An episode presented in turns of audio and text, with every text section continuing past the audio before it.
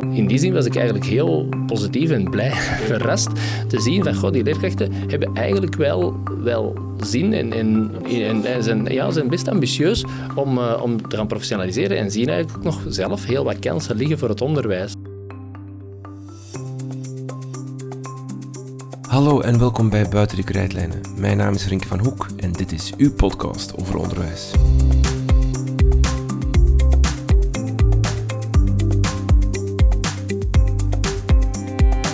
Hogeschool, Karel de Grote Hogeschool en de Universiteit Antwerpen hebben samen een grote werkveldbevraging gehouden. Meer dan 900 leerkrachten in alle soorten en maten werden bevraagd. Het doel van de bevraging is om de professionalisering en het onderwijsonderzoek dat de drie onderwijsinstellingen organiseren beter af te stemmen op de noden uit het werkveld. En wij wouden wel eens weten wat die bevraging nu eigenlijk opgeleverd heeft.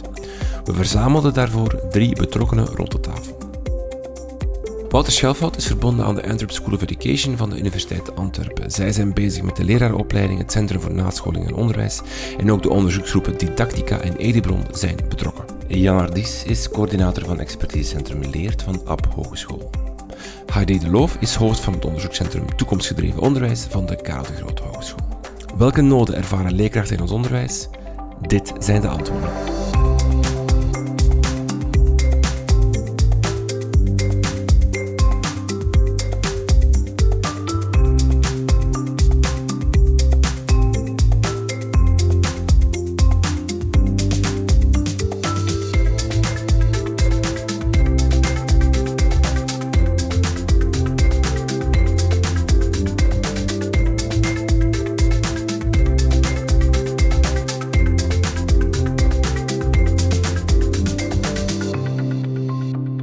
Dag Wouter, uh, dag Jan. Welkom in de podcast. Ehm, we gaan het hebben over een werkveldbevraging die jullie gedaan hebben. Maar de eerste vraag die ik moet stellen is, waarom hebben jullie die gedaan? Van waar kwam het idee om samen, uh, de drie uh, onderwijspartners, Universiteit Antwerpen, KDG en APO Hogeschool, om dan eigenlijk samen een werkveldbevraging te doen?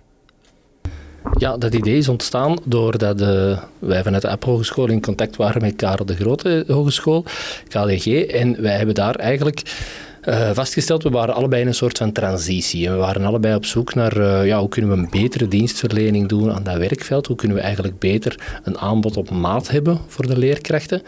En dan wouden we dat eigenlijk allebei gaan vragen en uh, dat gaan onderzoeken.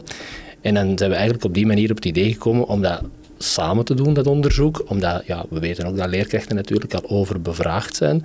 Uh, we willen die niet twee keer met dezelfde vragen lastigvallen. Dus leek het ons verstandig om daar uh, samen te doen. En dat is ook meteen de start geweest van uh, ja, eigenlijk een, een, een mooie samenwerking waarin dat we ja, ons aanbod ook een beetje meer op elkaar konden afstemmen. Eh, dat was ook wel initieel al de bedoeling, om goed te kijken van ja, zijn we niet drie keer hetzelfde aan het doen en uh, kunnen we eigenlijk het, uh, het onderwijsveld een, een, breed aanbod geven, uh, ieders vanuit zijn expertise. Ehm, en op die manier zijn we eigenlijk ertoe gekomen om een gemeenschappelijk onderzoek te gaan doen. En misschien daar ook al eventjes bij aanvullend, hè, eh, voor alle duidelijkheid. Dus uh, eigenlijk de Antwerp School of Education was bij de werkveldbevraging eigenlijk niet betrokken. Uh, maar wij doen dat eigenlijk op, een, op een andere manier. Via het Centrum Nascholing Onderwijs hebben wij een aantal werkgroepen die bijvoorbeeld thematisch zijn of die aan een bepaalde vakdidactiek verbonden zijn.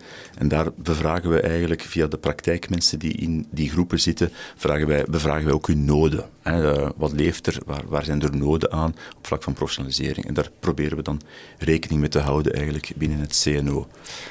Eigenlijk zijn er twee soorten doelstellingen hè, waarvoor we de werkveldbevraging of het onderzoek naar de professionaliseringsnoden uh, hebben gebruikt. Ten eerste hebben we um, het feit dat we onze onderzoekscentra zinvolle zaken willen laten onderzoeken. We willen echt uh, ingaan op waar dat het werkveld nood aan heeft. Um, en zo hebben wij eigenlijk binnen Karel de Grote Hogeschool, maar ook binnen AP Hogeschool, onze speerpunten, onze hoofdonderzoekstopics wat afgestemd op wat dat het werkveld bezighoudt. Dus uh, zowel onderzoeksmaten hebben we dat gedaan. En dan het tweede stuk waar dat we de werkveldbevraging heel sterk voor konden gebruiken, was te zien of dat we wel tegemoet kwamen aan de noden.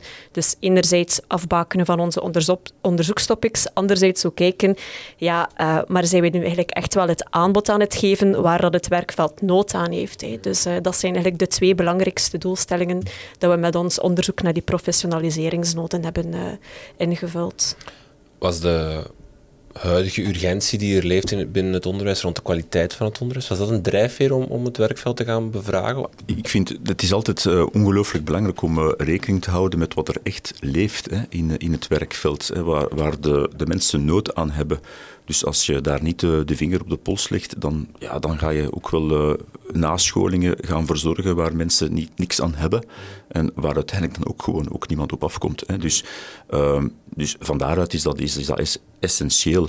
En uh, ja, ik volg dan inderdaad uh, Aide en Jan dat het enorm belangrijk is om dat ook wel evidence-based te maken, hè, om daar ook een stukje onderzoek aan te koppelen. Uh, en dus vanuit het onderzoek dat je hebt gevoerd, of, op zijn minst de state of the art van het onderzoek dat je uiteindelijk hebt daarop nageplozen, hè, dat je van daaruit eigenlijk toch wel echt wat body geeft aan, aan uh, die nascholing of die vorming die je uh, uh, bij elkaar dan bedenkt. Dus dat is wel een hele belangrijke. Hè? Ik zou zeggen dat we eigenlijk indirect naar die onderwijskwaliteit zijn gegaan. We hebben niet op zich gepeild van hoe zit het met de onderwijskwaliteit in Vlaanderen. Daar zijn er andere instrumenten en toetsen voor. Wat dat we wel hebben gedaan is gekeken waar hebben de, de leerkrachten, de directie, de ondersteuners nood aan om hun onderwijs op een zo kwaliteitsvolle manier mogelijk te kunnen aanbieden. Dus waar dat ze zelf nood aan hebben om hun onderwijs op een kwaliteitsvolle manier aan te bieden, om daarop te kunnen inspelen. Dus eigenlijk is ons onderzoek, gaat het indirect over onderwijskwaliteit. Maar in eerste plaats wilden we luisteren naar wat dat de mensen die met hun voeten in die praktijk staan zelf nodig hebben. Ja, het, is, heeft voor ons ook een, een, eh, ja, een dubbele bedoeling. Hè. We, hebben daarmee de, de professionaliseringen die we aanbieden, dat kunnen scherper stellen van waar heeft, heeft men nood aan. Maar tegelijkertijd hebben we ook een beetje een aantal blinde vlekken in, de, in kaart kunnen brengen. Door te gaan kijken van, goh, um, er zijn hier nog een aantal professionaliseringsnoden in dat onderwijs waar dat we op deze moment misschien geen aanbod voor hebben, of waar dat we op dit moment eigenlijk niet heel bewust rond werken. En op die manier zijn we, ja, hebben we van dit onderzoek gebruik gemaakt om te gaan zien, oké, uh, dat en dat leeft er ook nog in het onderwijs. Uh, en daar kunnen we dan ja, in de toekomst uh, gericht onderzoek rond opzetten. In samenwerking uiteraard met dat werkveld. Dat is meteen ook wel de bedoeling. En onderliggend is het natuurlijk ook het heel, gewoon heel mooi geweest dat we vanuit, uh, vanuit onze associatie uh, dat hebben kunnen doen. En dat we eigenlijk op die manier ook naar het werkveld hebben kunnen laten zien van ja, wij werken wel samen. Dat is, je hoeft niet te kiezen of, of voor de ene hogeschool of instelling. We, we, we werken gewoon samen en we, geven ook door aan elkaar. Als we zeggen van goh, ja, dat, die, dat is een expertise die wij niet hebben, maar de collega's wel, dan durven we dat ook gewoon uh, toegeven en doorgeven. Het is de bedoeling dat we het werkveld sterker maken, dat we het onderwijs sterker maken. Uh, en dat we dat zo gericht mogelijk doen, want de middelen zijn schaars, dus we moeten die optimaal mogelijk inzetten. Dat, is, uh, dat zit daar natuurlijk ook in. Zo'n werk, werkveldbevraging, is dat iets unieks dat nu gebeurd is? Of is dat iets wat al heel vaak gebeurt of heel vaak gebruikt wordt? Of wordt het te weinig gebruikt om, om nascholingsaanbod, vormingsaanbod, maar ook onderzoeksaanbod op, op af te stellen? Op zich is het niet uniek dat het werkveld wordt bevraagd. We doen dat ook in verschillende onderzoeken binnen één topic. Wat dat nu wel uniek is, denk ik, is dat we de volledige professionaliseringsnoden, het volledige domein hebben gecoverd in één bevraging met de drie verschillende partners vanuit de associatie Antwerpen. Dat we vanuit die kennisinstellingen samen dat hebben aangepakt en meteen een breed overzicht gemaakt hebben. Dus ten eerste hebben we dat met een survey gedaan heel breed in kaart gebracht van wat zijn de noden, waar hechten de mensen het meeste prioriteit aan. En dan de zaken die ons opvielen hebben we ook in tweede instantie met eh, focusgroepen, met interviews verder uitgediept. Dus ik zou wel zeggen dat we nu eigenlijk een hele mooie dwarsdoorsnede hebben bekomen van wat dat er leeft uh, naar professionaliseringsnoden in het onderwijs. En dat is wel iets uniek en dan, daar denk ik dat we wel trots op mogen zijn. Wat ik er nog graag bij wil aanvullen, is dat het ook niet alleen op die manier een dwarsdoorsnede is, maar ook in de andere richting. We zijn namelijk in dit onderzoek gaan kijken naar zowel studenten als leerkrachten als kaderpersoneel in dat onderwijs. Dus we hebben daar eigenlijk ook in kaart gebracht hoe het is bij directies, uh, zorgcoördinatoren, uh, maar dus ook die studenten. Uh, leraren in opleiding, zo'n beetje een tussenmengeling van student en, en leerkracht. En met die leerkrachten zijn we ook gaan kijken naar, naar startende leerkrachten, leerkrachten met al wat meer ervaring, of echt het, het senior profiel met uh, meer dan 20 jaar ervaring. Dus ook op die manier hebben we eigenlijk Vaak wordt er gekeken naar startende leraren alleen of, mensen, of, of alleen studenten. Maar nu hebben we dat eigenlijk in, in zijn totaliteit uh, samengebracht, wat ook heel fijne data oplevert. En dat dan zowel voor uh, leerkrachten in het kleuteronderwijs, in het lager onderwijs, als in het secundair onderwijs. Dus dat, de, de, de scope was echt heel breed. Uh, en dat maakt het misschien wel een tikkeltje uniek. Mm. Hoe ga je om met die data? is dat de waarheid die daaruit komt? Of, of sta je daar als onderzoeker, als, als onderwijswetenschapper ook sceptisch tegenover? Want op, zich wil het niet per se zeggen dat als, als 40% vindt dit, dit ontbreken we, dat dat op zich ook waar is? Of dat dat misschien een perceptie is die misschien niet helemaal klopt? Of hoe, hoe ga je daar dan mee om? Of moet je wel omdat je, die, omdat je zegt van we gaan een werkveldvergraging doen, moeten we dat ook als waar aannemen? We kunnen nu niet dat in twijfel gaan trekken. Hoe, is dat een, is dilemma? Of een... Sceptisch is misschien niet het juiste woord dat ik ervoor zou gebruiken. Wat we wel doen is, we beseffen dat dit de, de stem is van het onderwijswerkveld. We gaan niet zeggen, ah, uh, uit die bevraging, uit dat onderzoek concluderen we nu dat dat is wat dat de mensen moeten krijgen. Of daar moeten we absoluut op inzetten. Wat weten we wel?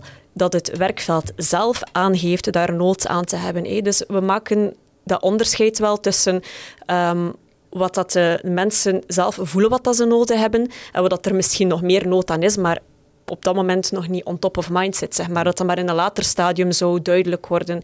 Dus we zien het eigenlijk als een, als een blik op wat dat er in het werkveld zelf speelt. En we zien het echt als we horen het werkveld, we horen die leerkrachten zelf een keer van wat hebben jullie nodig. Is dat het totaalplaatje? Nee, maar het is wel een, een een blik die op dit moment misschien nog onvoldoende uh, in rekening gebracht is.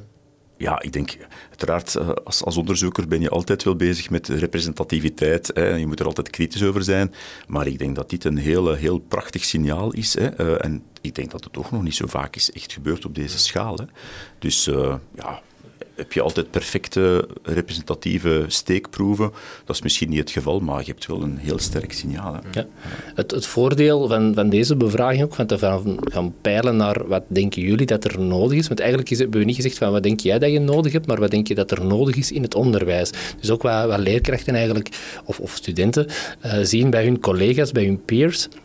Studenten gaan vaak ook op stage.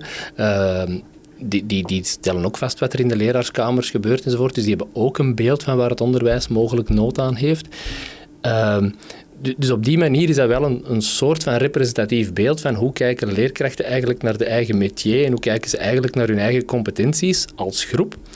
Uh, tegelijkertijd uh, zegt het natuurlijk ook iets over van ja, daar, daar zijn we geïnteresseerd in, daar vinden we dat er nood aan is op dit moment als, als groep, als, als, als professional.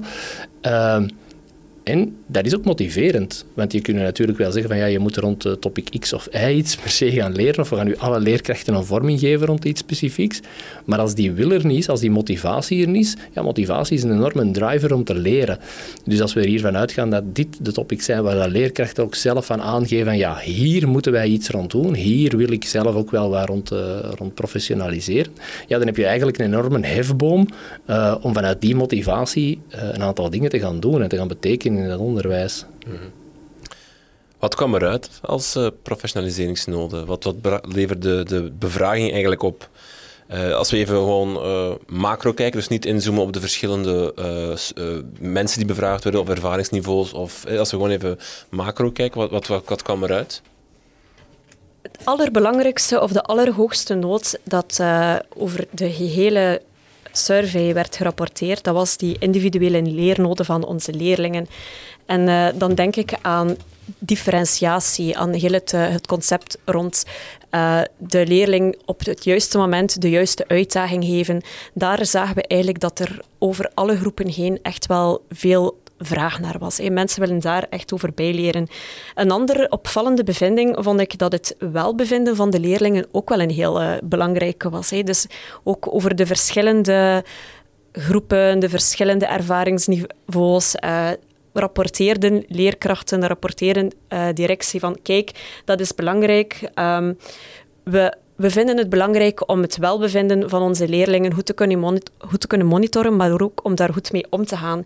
En wat dat ook wel opvalt, is dat er daar meer aandacht voor is sinds corona. Omdat er toen eh, heel de context dat uh, uh, leerlingen veel vaker thuis waren, eh, dan zagen ze ook dat die thuissituatie enorm meespeelt. Maar ook op het schoolsfunctioneren of het schoolswelzijn, welbevinden. En dat was ook een hele belangrijke conclusie die eruit kwam. Maar als ik het juist interpreteer, rapporteren de leerkrachten, directies, uh, studenten dus een nood aan professionaliseren om, er, om beter te worden in het, in het individueel begeleiden of individuele leernoden van leerlingen, om daarmee om te gaan, als ook om om te gaan of het verbeteren van het welbevinden van leerlingen. Exact, ja. Mhm. ja. en wat ik daar ook wel heel mooi aan vind, is dat uh, dat, dat een genuanceerd beeld geeft. Hè? Dat onze, onze leerkrachten in Vlaanderen wel degelijk heel genuanceerd nadenken over onderwijs en dat het niet uh, alleen maar blijven hangen is bij soms uh, wel iets dat op dit moment een beetje in de media wel speelt. Hè? Uh, alles terug op directe instructie. Ik denk dat er toch wel veel diepgaander wordt gedacht dan dat. en dan zien we toch wel dat er uiteindelijk echt aan verschillende aspecten aandacht wordt besteed, dat men er meer over wil weten en dat men er dus juist nog stappen in vooruit wil zetten. Hè? En dat onze leerkrachten dat ook duidelijk aangeven, dat ze voelen dat ze er nog stappen in, in, in moeten zetten eigenlijk. Het blijkt zelf uit ons eigen onderzoek, hè, dus dat dat echt absoluut nog noodzakelijk is, dat er uh, toch nog een stukje genuanceerder wordt nagedacht over onderwijs. En dat in deze tijden. Ja, ik vind het ook mooi dat het geen uh, of-verhaal is, maar het is een en-verhaal. We zien dat zowel de meer softe kant als de meer harde kant van, van onderwijs, dat dat allebei wel nodig zijn, die prominent naar boven komen in die bevraging. En dat vind ik toch wel mooi om te zien, dat er daar ook wel aandacht voor is en dat mensen ook beseffen van, dit is allebei belangrijk. Was er verschil tussen de, de verschillende functies die leerkrachten, uh, of die de, de, de bevraagden, de respondenten, zo moet ik het eigenlijk zeggen, um, um, opnamen? Uh, ja, absoluut. En we misschien even schetsen welke functies er allemaal bevraagd werden om, om het, het, plaatje volledig duidelijk te maken. Ja, we hebben een onderscheid gemaakt tussen uh, enerzijds studenten, uh, die op dit moment in de lerarenopleiding zitten. de volgende groep, zal ik zeggen, is de groep van leerkrachten. Uh, waarbinnen dat je nog een onderscheid kunt maken tussen startenden of, of, of wat ervaren leerkrachten. daar komen we straks Maar de, en dan een derde grote groep is eigenlijk uh, iedereen die te maken heeft met kader, met beleid van scholen enzovoort. Waarbij ook uh, een stukje de, ja, de experten, de pedagogische begeleiders en dergelijke mee in die groep zijn opgenomen. Zij zijn meer met dat ja, overkoppelende niveau van een school en een schoolrennen bezig. -hmm. En wat we daar eigenlijk in die groep zien, bij die groep van schoolbeleid, uh, is bijzonder interessant, want zij hebben inderdaad opmerkelijk andere zaken die ze aangeven als, als die leerkrachten of die studenten. Want zij kijken ook veel meer naar zaken als uh, ja, schoolorganisatie bijvoorbeeld, of uh, het, het reflecteren en coachen van een team. Dat mag op zich natuurlijk niet verbazen, want dat is ook waar zij mee bezig zijn. Maar ik vond het heel fijn om vast te stellen dat dat ook de zaken zijn waarin dat zij zich dus willen professionaliseren. Dat zij eigenlijk uh, heel goed weten van, goh, dit, en, dit, is een topic waar ik eigenlijk wel wil over bijleren en, en waar ik uh, een stap vooruit in wil zetten. Dus op zich... Uh, vond ik het daar al heel fijn om vast te stellen dat men uh, heel goed kan inschatten van ja, dit zijn voor mij erg belangrijke topics. Wat we tegelijkertijd ook wel merken is dat ja, ook post-corona heel dat digitaliseringsverhaal daar uh, uh, ja, in de kaart komt. Directies geven dat ook aan, dus, dus, dus het, het leerkrachtenkorps kan nog wel een stap zetten in digitalisering. Ehm, maar tegelijkertijd is ja, dat is ook niet abnormaal en, en ze, ze, onderkennen dat en ze, ze, ja, ze zien ook de noden waar ze, waar ze moeten liggen. Dus dat is niet anders dan wat je logischerwijze zou verwachten daar bij die groep. Mag ik dan nog eens linken aan onderzoek? Hè? Zeker. Want dat is ja, ook een beetje mijn insteek ja, ja. in heel dit verhaal. Uh, dus um, ja, wat dat, daar ook echt bij opvalt, is dat... Um, dat dat perfect aansluit bij het feit dat onze, onze schoolleiders op dit moment een steeds uh, genuanceerder beeld krijgen, ook over het professionaliseringsbeleid in hun school. Uh, en dat men eigenlijk merkt dat uh, professionaliseringsbeleid, dat dat zeker en vast ook via nascholingen voor een stuk kan, maar dat dat ook in belangrijke mate eigenlijk ook intern in de school kan worden opgenomen. Hè, en dat er daar op dat vlak ook best wordt op ingespeeld. Hè. Dus dat is een stukje ja, die professionalisering echt intern laten toekomen binnen de school, hè, dat ook intern organiseren, uh, daar ook die rol van die coaching hè, bij betrekken uh, op termijn. Uh, dus, en, en dat blijkt ook inderdaad uit die bevraging te komen. Ja. Uh, mag ik nog iets aanvullen over een andere groep? Ja. We hebben natuurlijk die drie groepen. Misschien dat de collega's zoiets ja, ook iets zeggen over... Uh, maar ja, ik wou eigenlijk iets zeggen over de studenten. Omdat uh, wat mij bij de studenten heel erg opviel, was... Ja, zij vinden het ook belangrijk, welbevinden, individuele leernoden. Dat, dat is een beetje een terugkerend verhaal bij alle groepen. Uh, maar waar het bij de studenten heel sterk over gaat, en dat viel wat op, is... Ja, klasmanagement, dat is een usual suspect. Dat die dat nog aan het leren zijn, dat vinden we heel normaal. Maar zij zetten ook kansarmoede, diversiteit en bijvoorbeeld inclusief onderwijs eigenlijk vrij hoog in de ranking van topics waar zij nog professionalisering en nood aan hebben. Ik vind het ook weer opnieuw heel mooi om te zien dat die studenten die op stage gaan in die scholen komen, eigenlijk daar ook al de vinger op de wonden kunnen leggen van goh, heel, dat, heel dat, die kansarmoede, die, die grootstedelijke problematiek en dergelijke, dat is een uitdaging. En dat gaat ook een uitdaging zijn voor mij en dat gaat ook een uitdaging zijn voor mijn collega-leerkrachten uh, de volgende jaren.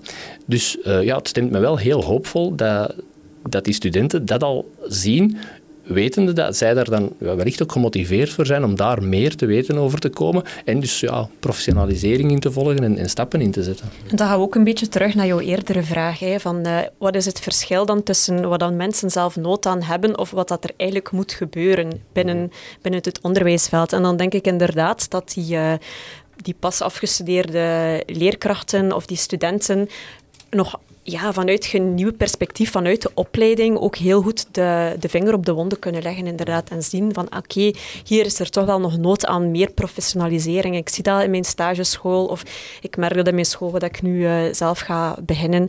Ja, zij zijn dan toch weer die nieuwe generatie die dan ook wel andere... Um, zaken opvallen of die andere prioriteiten uh, leggen. Dus dat zie ik daar ook in terugkomen. Wat mij opviel is dat het over de onderwijsvormen heen dan de verschillen niet zo groot waren. In de zin van dat diezelfde thema's eigenlijk uh, die we daarnet bespraken over bijvoorbeeld individuele leernoden, uh, breed evalueren, digitaliseren, dat dat eigenlijk thema's zijn die in alle onderwijsvormen naar voren kwamen als noden. En dat, ik, had, ik had daar grotere verschillen verwacht, dat er tussen kleuteronderwijs of secundair onderwijs of tussen uh, lager onderwijs en, en secundair dat er grotere verschillen of grotere andere noden waren. Is dat iets wat bij jullie ook terugkwam? Of? Ja, ik vind ook wel dat de verschillen tussen de onderwijsniveaus dat die kleiner zijn dan tussen de verschillende uh, professionals binnen het onderwijs. Dat, dat zie ik ook wel. Um, maar wat aan mij daar wel opviel, was dat als het gaat over zelfgestuurd leren of zelfredzaamheid, dat daar wel ook een verschil in zat. Dat we zien dat het bij, binnen kleuter wordt er echt nog heel veel op ingezet. En zijn die noden van professionalisering net iets minder, omdat dat, dat iets is dat echt on top of mind zit. Maar dat, hoe later in de onderwijsloopbaan, dus dan als je overgaat naar lager, dat iets minder wordt. En als je dan overgaat naar secundair onderwijs, dat leerkrachten ook wel aangeven van... daar hebben we eigenlijk nog wel meer nood aan. We verliezen dat een beetje aan cours de route. En uh, dat zijn we dan ook gaan uittypen in die focusgroepen, waar dat, dat dan ook opnieuw in terugkwam. Van, ja, dat is eigenlijk echt een sterkte van het kleuteronderwijs. Dat verliezen we wat. We zouden dat toch wel moeten kunnen vasthouden. En dat er daardoor ook wel wat nood is aan professionalisering. Ja, er zijn, er zijn een paar detailverschillen wel tussen de verschillende ja, ja, groepen. Wat je bijvoorbeeld ziet, is dat inderdaad bij, bij kleuteronderwijs het topic zoals breed observeren hoger op de agenda staat en digitalisering wat lager op de agenda tegenover de collega's uit het lager of secundair. Uh, dat is niet abnormaal, denk ik. En wat je ook heel opvallend ziet terugkomen, en dat, dat is dat het uh, ondersteuning bij de nieuwe eindtermen en ontwikkelingsdoelen, dat die op dit moment heel erg aan de orde zijn in het secundair onderwijs. Maar dat is misschien ook natuurlijk een momentopname met de verandering van de leerplannen en enfin, de, de, ja, de timing van het onderzoek voilà. uiteindelijk. Hè. Dus ja. daar, enfin, ik denk dat we ook we willen graag eigenlijk dit onderzoek op termijn nog eens herhalen. Hè. We willen dat graag binnen een paar jaar herhalen. En dan gaan we kijken van, zien we daar een trend in? En, en, en zien we daar een verschil? Dus in die zin is dat ook met die digitalisering nu, post-corona, uh, staat dat wat hoger op de agenda. Ik denk als je dat uh, ja, vijf jaar geleden zou gedaan hebben, dat je een heel ander verhaal zou krijgen. Uh, maar, maar je hebt wel gelijk dat, dat inderdaad er best wel wat gelijkenissen zijn tussen dus, ja, heel die groep leerkrachten. Wat aan mij nog opviel was dat klasmanagement um, net iets hoger in de ranking staat bij secundair onderwijs um, dan bij de andere onderwijsniveaus. Maar eigenlijk was dat verschil relatief klein. Waar we wel een heel groot verschil, verschil zien in klasmanagement, dan is dat uh, als het gaat over leraren in opleiding, uh, studenten, leerkrachten, maar ook de zogenaamde LIO-student, dus die die ook een zij-instromer kan zijn en die dan op dat moment in de klas komt, wel met heel wat inhoudelijke expertise, maar nog weinig pedagogisch-didactische expertise en nog relatief weinig ervaring met klasmanagement. En dat dat bij die groep wel iets is dat heel sterk naar voren komt van uh, de vraag rond professionalisering in klasmanagement. Maar dan verwijs ik ze graag door naar de podcast van Elke Struif, die je een tijdje geleden hebt opgenomen. En, ja. Want die ervaring, dat, ik heb het eh, genoteerd na het lezen van jullie rapport, van ervaring doet er eigenlijk toe dat was misschien niet nieuw, maar, het, maar het, het, het komt bij jullie er wel heel hard uit. Hè. Je ziet echt een, een, de, de, het individuele leernoden, de nood daarvan neemt echt af naarmate de ervaring toeneemt. Klasmanagementnoden nemen af. En dan omgekeerd, digitaliseringsnoden nemen dan weer toe. Ik vond het heel interessant om te zien dat dat eigenlijk... Dat, ervaring doet er echt gewoon toe. Je, je leert echt door... Of je, je, je wordt een betere leerkracht, en ik doe nu zo aanhalingstekens, als je 10, 20 jaar in het vak staat. Ja, maar zelfs van die digitalisering ben ik er niet van overtuigd dat dat ligt aan het feit van hoe meer ervaring je hebt, hoe meer nood aan digitalisering. Dat kan ook een, een invloed zijn van leeftijd, bijvoorbeeld. Ehm, dat hebben we verder niet uitgediept, maar dat kan een mogelijke verklaring zijn. Maar is, is dit wat, wat jullie ook opviel van het feit dat ervaring zo'n rol speelt? En of wat, wat, brengt, of wat brengt dat teweeg in de zin van dat, dat de noden bij een starter die misschien vers van de banken komt, die eigenlijk misschien alles nog vers in zijn hoofd moet hebben zitten, eh, dat daar toch nog zoveel noden zijn op vlak van dat gebied en dat dat minder is bij iemand die al tien jaar in het vak staat? Ik zou misschien nog eens uh, eventjes vanuit onze werkgroep schoolbeleid uh, iets willen inbrengen. Daar merken wij eigenlijk wel dat, um, dat inspelen op noden, dat dat iets is dat je als, als schoolleider ook zelf een stukje gaat moeten op gang brengen. Dus um, het is niet eigenlijk zo dat, uh, dat automatisch um, mensen helemaal aangeven uh, waar ze echt nog uh, echt moeten ingroeien. En dan krijg je wel eerder een wisselwerking tussen wat je als schoolleider aanvoelt, waar dat je best een, een breder beleid rondvoert, een professionaliseringsbeleid. En dan ga je toch wel via de juiste kanalen dat moeten triggeren, dat mensen daar ook willen op toehappen en die professionalisering gaan volgen. Dus dat is ook wel misschien een kleine nuancering. Hè. Dus dat ehm, je kan zeker en vast ook beleid voeren als schoolleider hè, rond het eigenlijk uh, je hele schoolteam terug in de richting brengen van willen professionaliseren op, belang, op vlak van belangrijke thema's. Mm. en, en dat is bijvoorbeeld ook wat wij uh, in bepaalde opleidingen aan schoolleiders ook willen meegeven, hè, hoe dat je dat kan doen. Uh, de andere kant van de zaak is natuurlijk dat je wel merkt dat uiteraard hè, dat is denk ik wel heel duidelijk, dat uh, als een leraar uh, zich goed voelt in haar of zijn school, steeds meer ervaring krijgt met het inspelen op die leerlingengroepen, ja, dan gaat klasmanagement natuurlijk niet zo belangrijk zijn. Hè?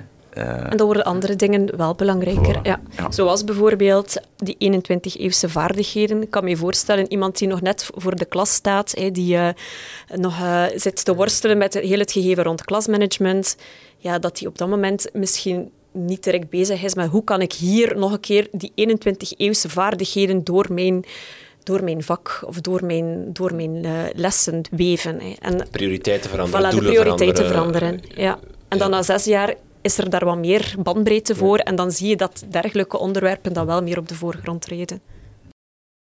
Wat was jullie algemene idee na de bevraging? Of wat, wat, wat kunnen jullie ermee... Verrasten het of verrasten het niet? Uh, goh, verrassend. Uh, sommige dingen waren inderdaad verrassend, zoals dat je al zei, van ja, toch wel wat gelijkenissen. Uh, tegelijkertijd waren er ook een aantal dingen die je ja, misschien wel had zien aankomen en, en die hier dan bevestigd werden. Uh, wat mij vooral verrast heeft, is dat is eigenlijk de, we hadden een hele rijk, uh, reeks topics gegeven uh, van, van waar leerkrachten zouden kunnen rond willen professionaliseren. En wat mij opviel, is dat ze er eigenlijk best wel wat gekozen hadden. Het is niet zo dat mensen één of twee topics hadden gekozen en de rest hebben laten vallen, maar men vond eigenlijk heel veel zaken wel relevant. En in die zin was ik eigenlijk heel positief en blij verrast te zien van, goh, die leerkrachten hebben eigenlijk wel, wel zin en, en, en, zijn, ja, zijn best ambitieus om, uh, om te gaan professionaliseren en zien eigenlijk ook nog zelf heel wat kansen liggen voor het onderwijs. Dus eigenlijk overal vind ik het wel een heel positief verhaal geworden. Um, je zou kunnen zeggen van, amai, er is veel nood aan uh, professionalisering in het onderwijs, maar ik bekijk het denk ik liever langs de andere kant. En men zegt van, goh, um, leerkrachten voelen vrij goed aan van, er zijn nog wel wat terreinen waar we, waar we nog winst kunnen boeken, waar we nog beter onderwijs kunnen geven. Ja, leerkrachten zijn eigenlijk, ja experten die er heel sterk voor blijven gaan, elke er dag is veel opnieuw. goesting. En er is heel veel goesting om dat nog beter te doen. En er, er is geen enkele leerkracht die, die het schooljaar start en, en zegt van nu ga ik het eens een beetje minder goed doen dan vorig jaar. Dat, dat gebeurt natuurlijk niet. Je wil altijd, hè, die drive is er enorm om te blijven jezelf verbeteren ook. Eh, en dat komt in, die, die, eh, ja, in dat onderzoek hier natuurlijk ook opnieuw naar boven. En er is een hele grote drive om te blijven professionaliseren, te blijven groeien, beter onderwijs te blijven maken. Eh, alleen als we dan gaan kijken naar ja, eh, hoe, wil, hoe moet dat dan gebeuren, want dat is ook een vraag die we gesteld hebben, van welk soort van professionalisering willen jullie, hoeveel tijd is er om daarin te steken, ja, dan stellen we natuurlijk vast dat, dat die tijd er niet is. Of dat die, ja, je gaat niet op professionalisering, ook al wil je dat echt heel graag, als je weet dat, dat jouw directeur jou niet kan vervangen, dat jouw klas dan eh, ja, zonder leerkracht zit een uur of een halve dag, omdat jij op professionalisering bent. En uiteraard word je dan nadien een, een sterkere leerkracht, heb je weer iets nieuws bijgeleerd. Maar op deze moment is dat niet zo aan de orde, want leerkrachten willen graag voor die klas blijven staan. En dat is echt wel ook iets waar dat we heel erg moeten over gaan nadenken, hoe dat we dat in de toekomst zien. Als we ons, ons huidige leerkrachtenkorps blijvend willen professionaliseren, willen mee in die 21ste eeuw eh, trekken, die alle nieuwe vaardigheden die, die nodig zijn, al die nieuwe uitdagingen die op het onderwijs afkomen, als we mensen in dat verhaal willen meenemen, ja, dan gaan we daar ook iets tegenover moeten kunnen stellen.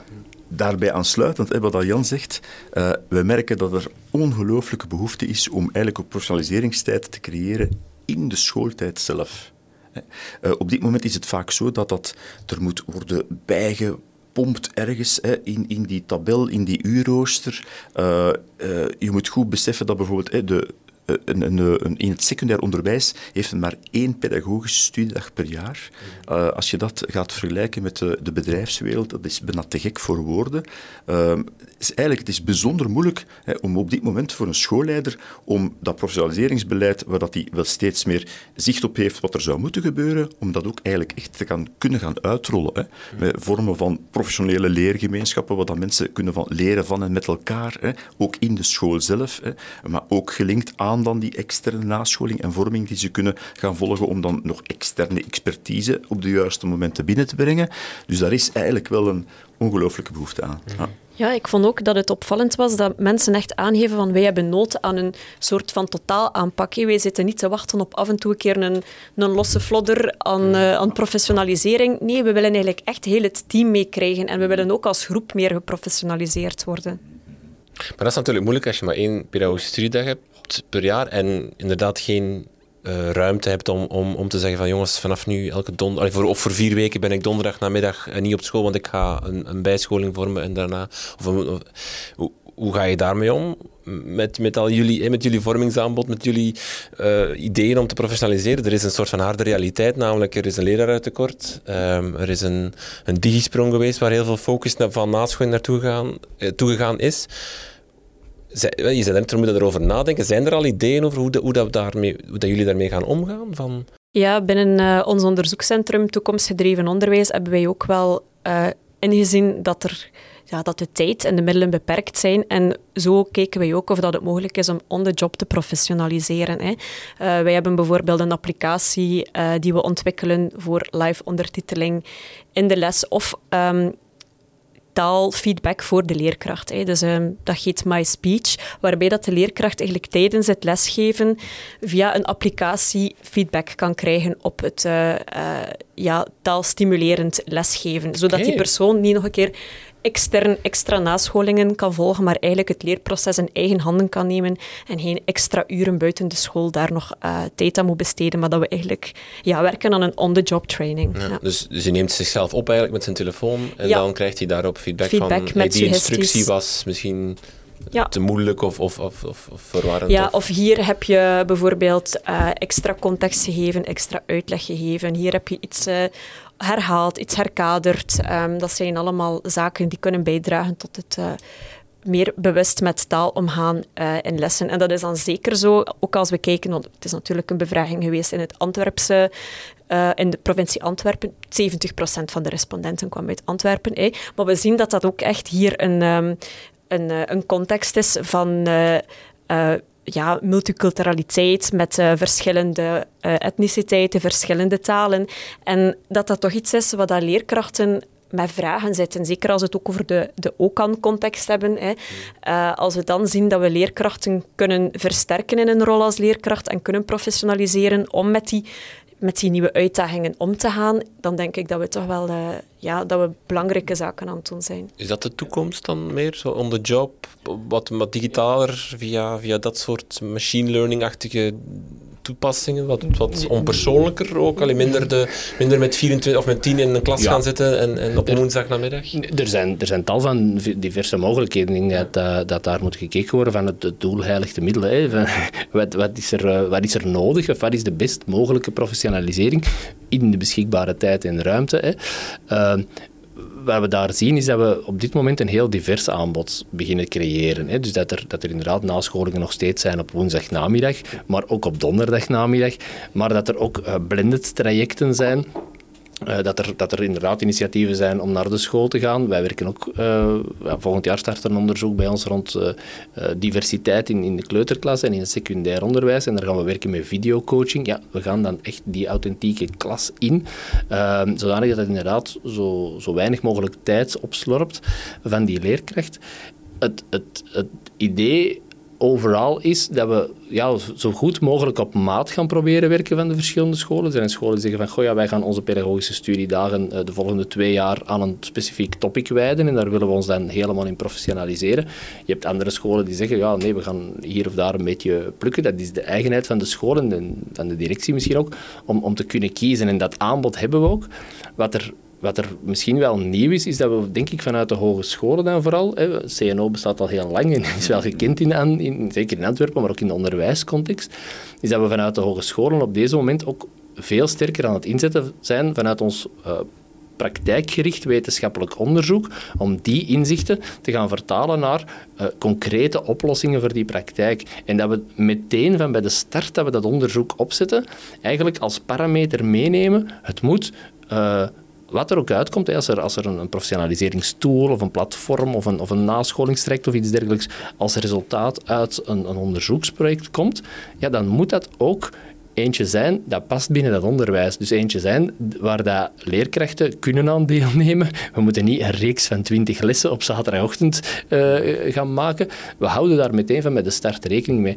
En dat is, dit onderzoek heeft dat nog eens bevestigd, denk ik, dat, dat we daar op zich ja, ons idee klopt met, met wat, we al, allee, wat we hier nu ook weer vaststellen, dat, uh, ja, dat we daar die link met, het, met de praktijk sterker maken en dat we eigenlijk de, de academische onderzoeken gaan proberen vertalen via een praktijkgericht wetenschappelijk onderzoek naar die realistische, authentieke context en hoe kan het daar ook werken.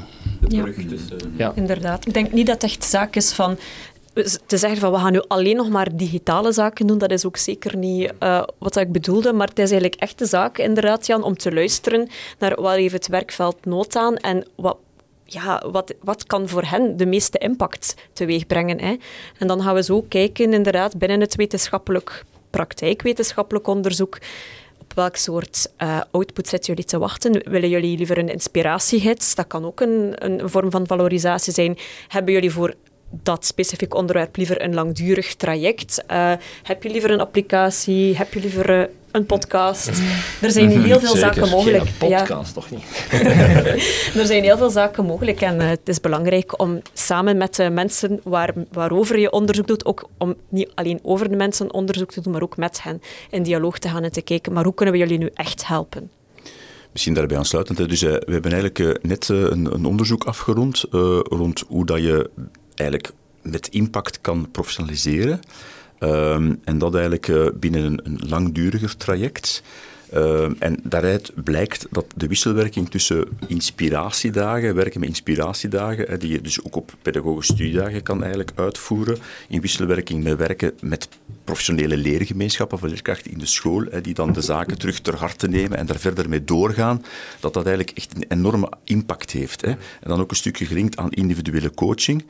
Uh, en, en dat zijn we nu ook aan het, uh, al een tijdje aan het vertalen uh, binnen Centrum Nascholing Onderwijs naar zo langduriger trajecten waar dat we die verschillende ingrediënten op de juiste manier trachten binnen te brengen, om daarmee dan in de school zelf eigenlijk meer in-service, teamgericht, die impact te kunnen gaan creëren. Um, en, en, daar zien we wel dat dat dat op zichzelf Ehm, meer impact heeft dan uh, een, een, een, losse studiedag waar eigenlijk uh, ja, geen, geen nawerking meer aan is. Wat je eigenlijk op een bepaald moment gaat zeggen van ja, oké, dit was het nu en er wordt verder niks meer mee gedaan. Dus dat, dat vinden wij wel heel belangrijk. En daar hebben we nu inderdaad een, ook een onderzoek rond afgerond. Ja. Ja, daar ken ik wel zo. Een studiedag, altijd leuk, nascholing. Je komt geïnspireerd thuis, zelfs de volgende dag nog, misschien zelfs nog de volgende week nog, maar daarna dooft dat wel uit als je daar niet verder, ofwel met je collega's, of met, ofwel dan een verdere nascholing, of met je collega's verder op kan werken. Het is... Maar er zijn ook zoveel hindernissen, hè? dus je, je, zit direct in de waan van de dag opnieuw. Hè? Ah ja, je moet hè, je lessen weer in orde krijgen, je moet verbeteren, dus druk, druk, druk. En, en daarom, dat is ook wat wij eigenlijk als, als eerste stap altijd doen. Dat is als we zo'n traject opstarten, dan gaan wij serieus na, samen met de school in kwestie, waar er toch professionaliseringstijd hè, kan worden gecreëerd. En eigenlijk hè, laat de regelgeving op dat vlak nog wel een en ander toe. Alleen zijn wij nu op dit moment in ons onderwijs ja, zo gewoon aan onze normale manier van werken en denken wij met ene pedagogische studiedag, ja, we zullen er ons maar aan houden, zeker. Hè. We gaan niet, niks meer doen dan dat. Maar er zijn veel manieren om dan toch wel extra te gaan creëren en daar dan in hè, ook te, te werken met die wisselwerking tussen inspiratie via studiedagen, maar anderzijds absoluut verdere toepassing bieden PLG's van leerkrachten waar het tot leven komt. Hè tot op de klasvloer. Want als, het dan niet, als, het als dan niet gebeurt, dan heb je geen onderwijskundig beleid. En dan ben je bezig geweest hè, met lippendienst aan onderwijskundig beleid, maar eigenlijk heb je geen impact. Welke impact deze werkveldbevraging is gebeurd om, om, om te kijken van hoe kunnen we ons onderwijs of ons vormingsaanbod, ons nascholingsaanbod beter afstemmen? Wat is de impact, gaat, welke impact gaat dat nu hebben? Wat gaat er veranderen? Voor het uh, expertisecentrum Leert heeft het heel duidelijk uh, de speerpunten bepaald. Hè. We hebben eigenlijk op basis hiervan gaan zeggen van goh, welke topics liggen ons ook wel een beetje als hogeschool, maar tegelijkertijd ehm, welke, welke noden zijn er in dat veld. En dan hebben we eigenlijk gezien van wat geven de collega's op KDG, op CNO, welk aanbod is daar, welk aanbod is er, is er nog nood of, of, of bijkomende zaken. En daar hebben we eigenlijk uh, ja, vier, onze vier speerpunten uitgehaald. Zijn de één uh, tot totaalonderwijs heet het, specifiek gericht over taal. We hebben ook uh, samen geleerd, sterk gedaan, over alles wat te maken heeft met uh, het leren als team in een school, het leerkrachtenteam. En, en teamteaching valt daar bijvoorbeeld onder. Uh, we hebben ook nog sociaal rechtvaardig onderwijs, eigenlijk alles wat gaat over die kansarmoede, diversiteit, inclusie en dergelijke. En als laatste hebben we innoveren in leren, waar dat we gaan zien naar ja, de topics, de emerging topics op dit moment, zelfregulatie, digitalisering enzovoort, uh, critical thinking, die zaken die vallen daaronder. En op die manier zijn we eigenlijk onze, ons, ons aanbod gaan afstemmen. Een aanbod in professionalisering, maar tegelijkertijd ook het aanbod van ons onderzoek. Want we hebben eigenlijk ook de ambitie om de komende jaren samen met het onderwijsveld uh, meer onderzoek te gaan doen. Maar ik, ja, ik, kan het hier wel zeggen, want ik weet dat collega's dat, die ambitie ook hebben. Dus we hebben eigenlijk, denk ik, alle drie de drive wel om, om sterker met dat uh, werkveld te gaan samenwerken in functie van uh, ja, het, het, maken van goede professionaliseringen en het uh, antwoorden bieden op de actuele noden. Ja, wat Jan zegt klopt. Hè. Voor uh, toekomstgedreven onderwijs is het eigenlijk hetzelfde verhaal. We hebben ook onze onderzoekslijnen verder aangescherpt op ja, op basis van deze uitkomsten. We hebben gezien dat er wel wat nood is aan uh, individuele leernoden om daar meer professionalisering rond te, ma te, maken. Ja, dan hebben we ook gezien van oké, wij, gaan, uh, wij gaan onze leerlijnen rond authentiek leren, gaan we daar ook op afstemmen. Wij hebben nu een onderzoek lopen naar hoe dat je Um, ja, hoe dat leerkrachten lager onderwijs aan differentiatie binnen de lessenwetenschappen kunnen doen. Dus uh, wij, ja, spelen daar direct op in met onze onderzoekstopics ook. Uh, anderzijds zien we ook dat voor sommige groepen die, uh, die nood om om te gaan met een diverse klas en uh, met klasmanagement ook een hele belangrijke is. Daarom hebben we dan ook onze onderzoekslijnen rond ondersteuningsnoden van leerlingen, waarbij dat we dan vooral in de grootstedelijke context gaan kijken. Hoe kunnen we inzetten op klasklimaat? Hoe kunnen we tegemoetkomen aan die vragen rond um, sociale, emotionele ondersteuning, rond, ja, rond diversiteit in, in taal en daar ook onderzoek naar toe te voeren. En dan als laatste, en dan richten we eigenlijk ons meer op, uh, op de groep van, uh, van, het, van het kader, eh, van de directie. Hoe kunnen we werken aan duurzame loopbanen binnen onderwijs? Want dat hebben we misschien nu nog niet echt benadrukt, maar het stukje rond um, ja, het, het HR-vraagstuk in onderwijs is ook wel zeker eentje die naar boven kwam binnen, uh, binnen ons onderzoek. En daar hebben wij ook wel aandacht voor binnen onze onderzoekslijnen. Mm. Dus ja, wij hebben net als de collega's van AP ook uh, onze onderzoekslijnen aangescherpt en gezien, komen wij nu wel tegemoet aan, aan de vragen die leven en welk aanbod stellen wij daar tegenover. Mm -hmm. Ja, ik zou ook de speerpunten inderdaad van uh, didactica in Edebro nog kunnen toevoegen, maar dat is ook een hele lange lijst. maar uh, we zouden het bijna vergeten, er is een website ja. natuurlijk zeer binnenkort op komst. Hè, Zet er in de show notes van de podcast. Ah, Kunnen okay. mensen doorklikken. Ja, dat is toch niet onbelangrijk. Hè? Ja. Waarin mensen dan eigenlijk heel handig natuurlijk het overzicht kunnen gaan raadplegen. Ja. Hè? Maar dat, dat is ook... Mensen moeten gemakkelijker de, de nascholing, de vormingen vinden.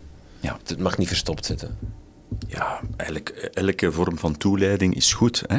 En elke manier om, om dat in, onder de, in de picture te plaatsen is goed. Hè? Dus, uh, en waarbij dat we inderdaad elkaars mooie werk moeten uh, waarderen en, en versterken.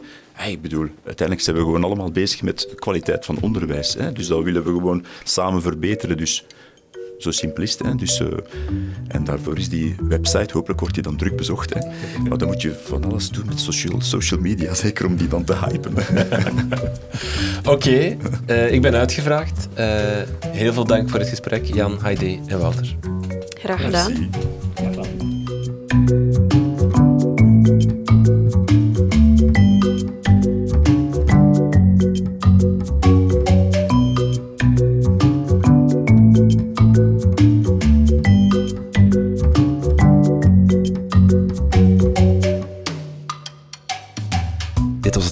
Deze aflevering. Meer info over deze podcast en de werkveldbevraging vind je in de show notes van deze aflevering. Blijf ons volgen en blijf op de hoogte van onze plannen en nieuwe afleveringen via onze Instagram of Twitter. Ook op onze website www.dekrijtland.be vind je een lijst van al onze voorgaande afleveringen en andere podcasts. Dank voor het luisteren en tot de volgende.